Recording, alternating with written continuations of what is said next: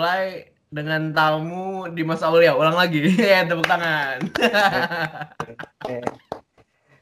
Jadi Dimas, kenalin kenalkan dulu dan Dimas, Dimas nih teman kita, teman aja. Nggak ada yang spesial lah. Gak ada yang spesial ya. Kalau spesial gue datang Iya, ke sini pasti dikasih proposal untuk dibayar tuh. tai, tai. Ya kan spesial lah. Kalau biasa nggak dibayar. Dimas nggak spesial, kecuali hartanya yang spesial. Iya. Anjir. Ya udah nih, siapa yang duluan cerita hantu? Hantu. Kalian dulu deh, aku denger gimana cerita kalian. Oke. Aku aja kali ya yang paling sedikit ceritanya. Ya, ya. Karena aku, Silakan. aku cuma satu. Jadi gini, Cuma jadi satu, ya. aku bersyukur. Maksudnya itu hanya satu pengalaman saja, tidak perlu banyak-banyak. Iya, gimana Jadi- tuh? Jadi ini pengalamanku waktu mondok dulu di Malang. Nah, Ya. jadi aku keluar dengan temanku namanya Hanif sama dua pengasuhku. Nah, Ya. coba kita keluar ke mana? Gitu ya. Mm-mm. Ke mana? Kita nonton bioskop. Yo, Film film 2012 kan lagi in ini. anjing. Ini ceritanya itu nontonnya sampai maghrib gitu kan. Terus pulang, Hmm. pulang eh masuk di pondok sa- satu satu pondok nih karena lagi waktu sholat maghrib semua berjamaah di maghrib apa di masjid Hmm. nah tapi kan kami ketinggalan jadi los aja langsung lanjut sholat di asrama gitu Ya. jadi jadi di asrama itu cuma kami berempat lah di satu gedung asrama gitu nah jadi kan sholat di salah satu kamar model kamarnya itu mungkin sekitar 6 kali 10 meter gitu ya wih kayak rumah tapi emang segede itu Nah, kamar di ban- 6 kali 10 itu 60 meter persegi, Cuk. kamar Soalnya rumah rumah, rumah isinya- milenial itu. Kondo Soalnya hotel lah isinya, ini. isinya 12 anak Oh, iya. Oh iya. Hmm, Iya. Jadi kan di pansusun gitu kan. Nah terus, nah di area belakang, jadi kan satu ruangan untuk khusus kamar, sama area Hmm. belakang untuk cuci-cuci baju sama kamar mandi Iya. dua gitu kan. Dan itu Iya. terpisah gitu apa, dipisah dinding. Nah, sholatlah kami berjamaah berempat tuh. Nah, kan pintu kamar ditutup.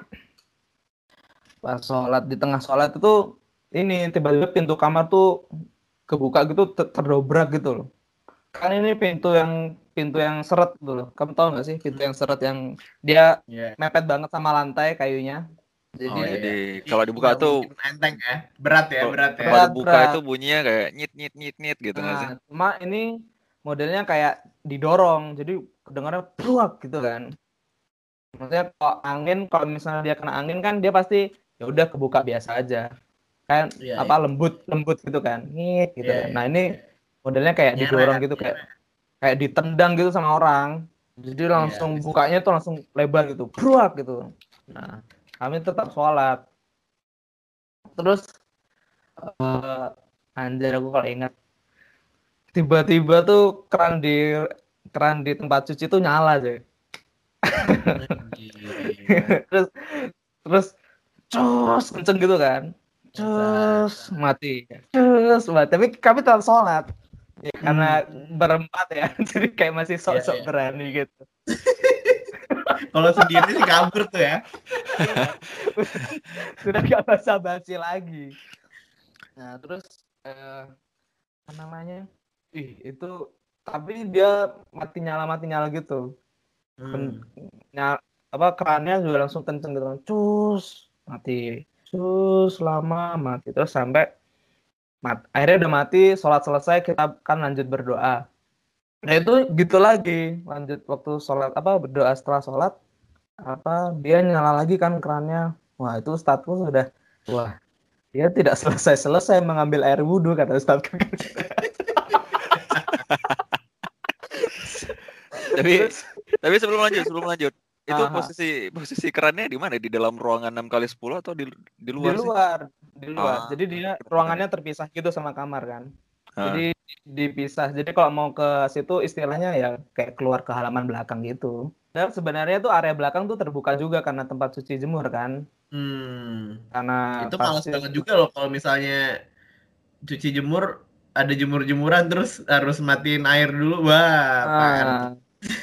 terus akhirnya eh, itu aku masih sempat nyeletuk gitu kan terus tapi lanjut berdoa Eh, masih kayak gitu. Anjir terus aku nggak paham kenapa tuh tiga orang bisa kompak ya. Mereka tuh bertiga tuh langsung lari keluar kamar ngunci aku tuh Anjing, kenapa? Cuman kau yang dikunci, aku tuh memang paling kecil kan secara fisik gitu. Jadi aku terbully gitu loh. Terus mereka tuh lari bertiga.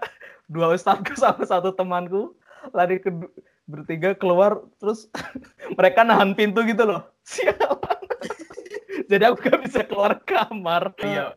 Karena mereka tahu kowe takut, makanya dikunciin. Iya. Itu bangsat itu emang bangsat. Kakiku ditarik gitu loh ditarik terus diseret ke belakang dicu iya kan Habis itu, Eh, tapi, habis itu pengen dicuci, Cuk. tapi, Aduh. tapi ada yang menarik sih pertanyaannya. Itu kan udah selesai Apa? sholat tuh. Kenapa pada saat selesai sholat kan sunnah tuh baca doa tuh. ah, Nah waktu itu kok baca doa apa sampai bertahan di sana itu loh. aku bukan bukan di sunah dan doanya cuma karena di posisi temannya kan di situ semua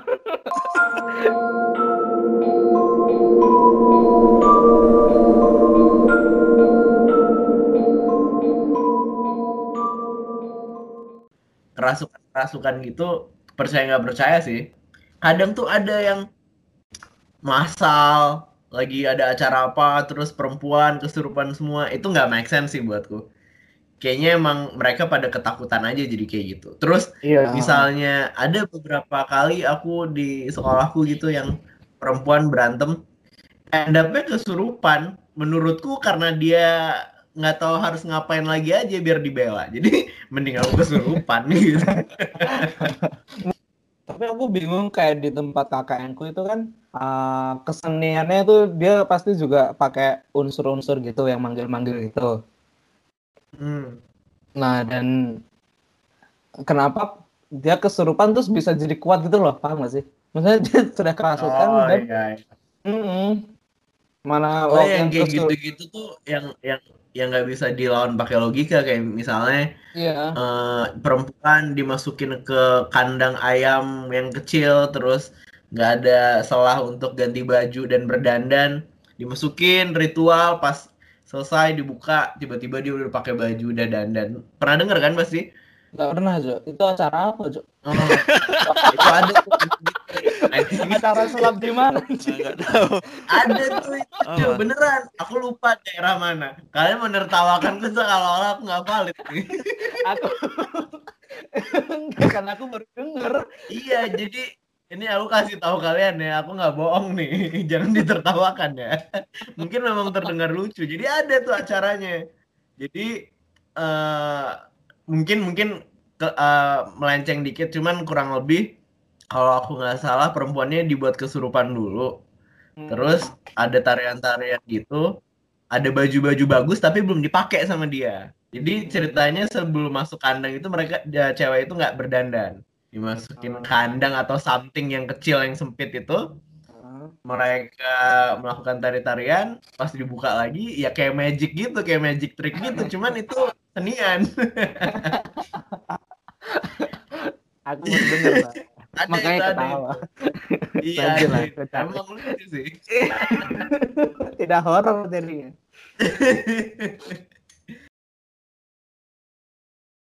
Apa ya? Banyak sih waktu KKN, tapi satu yang gue alamin dan itu real banget sih. Kan jadi ceritanya kan gue gua KKN sama Dandi ya, tempatnya sama gitu loh, tapi beda Iya, beda iya. apa sih bahasanya Dan?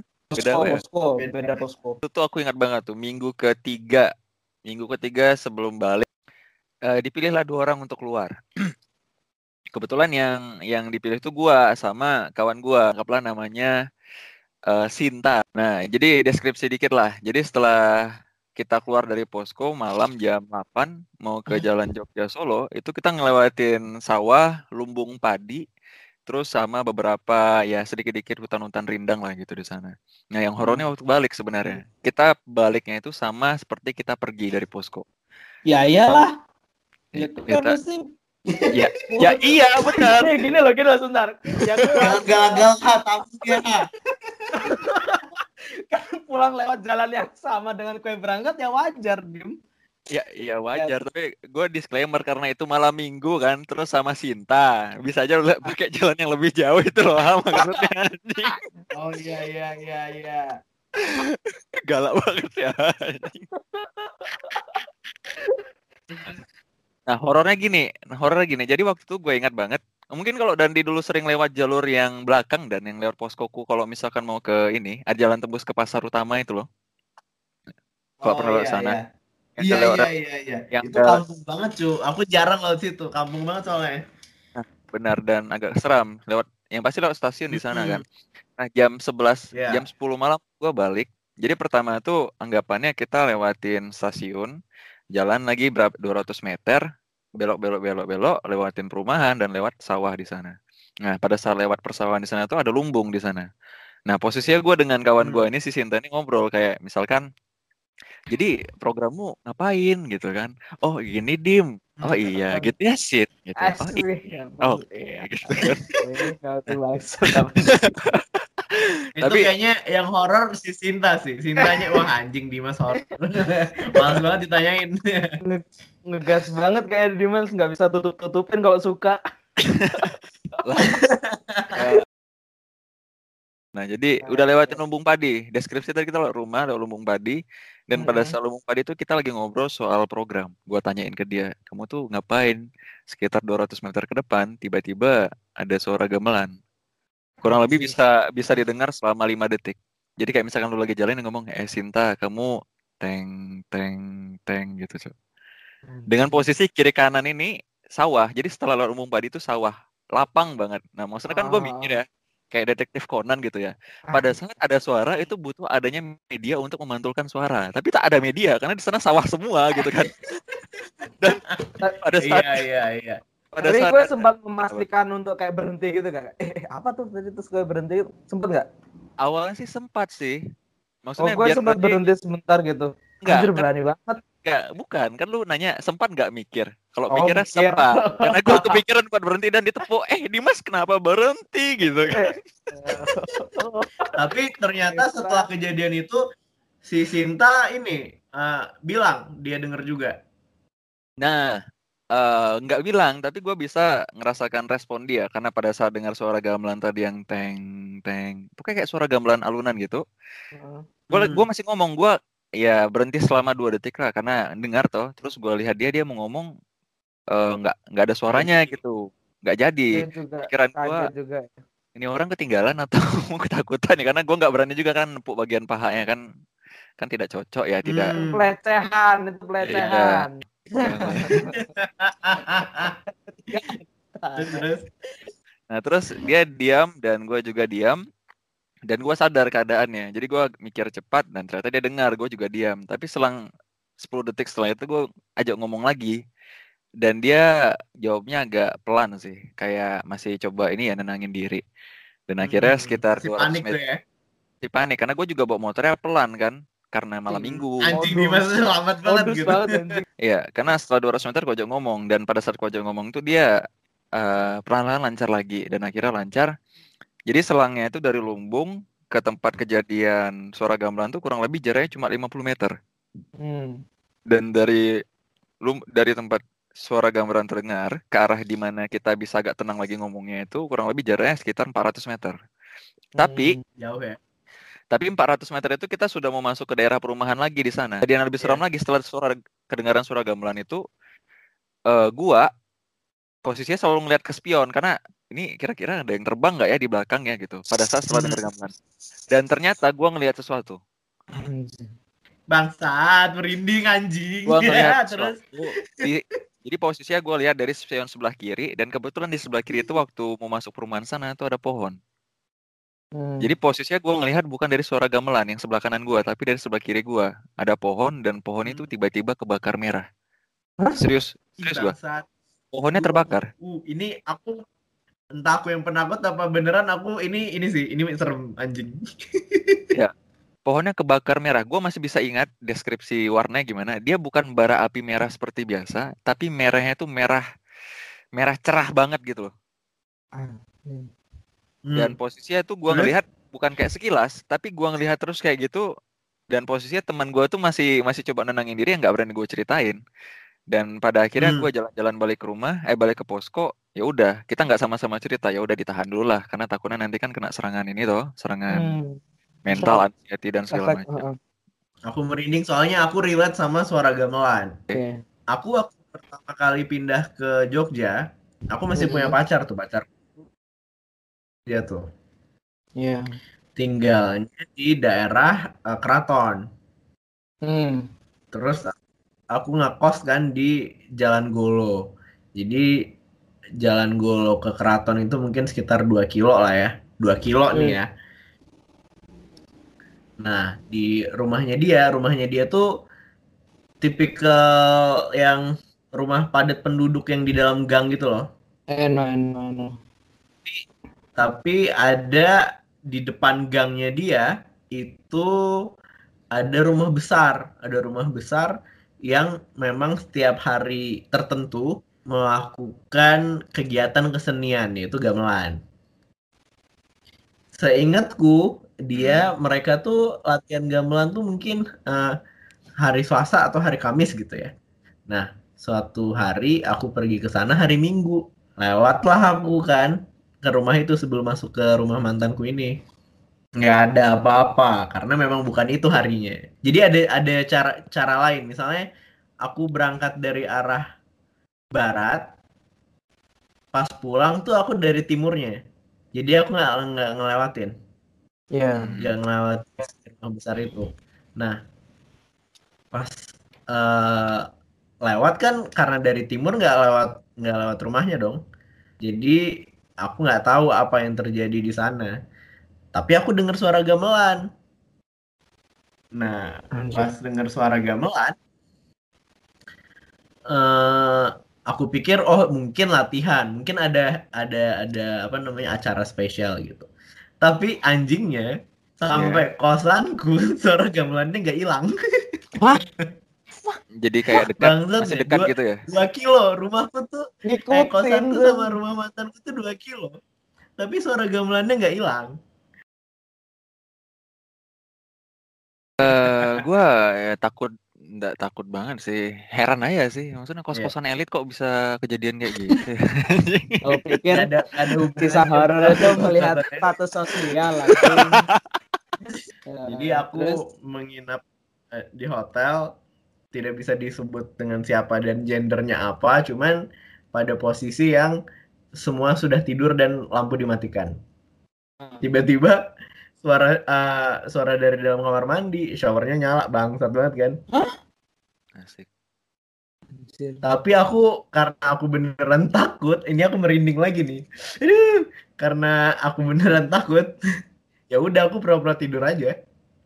Oh, tak kira bangunin Sampai- terus sampai mati sendiri karena kan shower tuh kedengeran lah ya bukan tek tek tek bukan tes tes tes tes gitu kan bunyinya Ah, kan gitu kan Hmm. nah, Hmm. sampai akhirnya pagi-pagi aku bangun dan aku bangun duluan si shower itu sudah mati dan aku bilang ke seseorang yang ada di kamar itu juga kamu matiin shower terus dia bilang enggak kan kamu duluan yang bangun daripada aku anjing gitu jadi yang tahu cuma aku yang ngalamin cuma aku doang bangsat. Hmm. Aneh ya. Ada apa tuh lo cerita horor dengan air keran itu loh.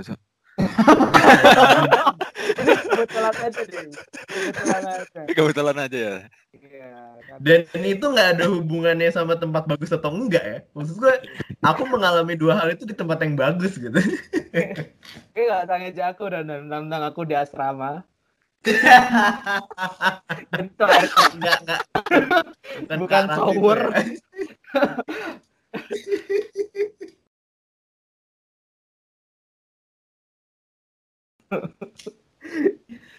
Kalau hal-hal yang kecil-kecil gitu, maksudnya bukan serangkaian yang panjang itu aku beberapa kali. Kayak misalnya eh, aku tidur di rumah nenekku yang ada di Lampung gitu, beneran udah nggak ada siapa pun dan nggak ada orang gitu, jadi dari jendelanya itu ada orang yang batuk, tapi kan dari jarak situ ke luar untuk ke tetangga lagi untuk orang ronda satpam itu jauh banget tapi bener-bener di Hmm. kepala aku tuh dia gitu anjing ya kamu terus aku langsung Anjing. tidur aja tuh Anjir, anjir, anjir. Suaranya doang. terus suara doang tapi dua orang yang yang denger aku dan kakakku jadi emang kami sambil sambil tatap-tatapan anjing kamu denger juga kan terus langsung tidur aja Nah, selain suara kita udah ngerasa kayak bekas-bekas air liur air ludah nempel di muka Nah, gitu. itu di luar kamar di luar Oh, di kamar. luar kamar. Untung belum zaman COVID ya. Mungkin mah ini ya.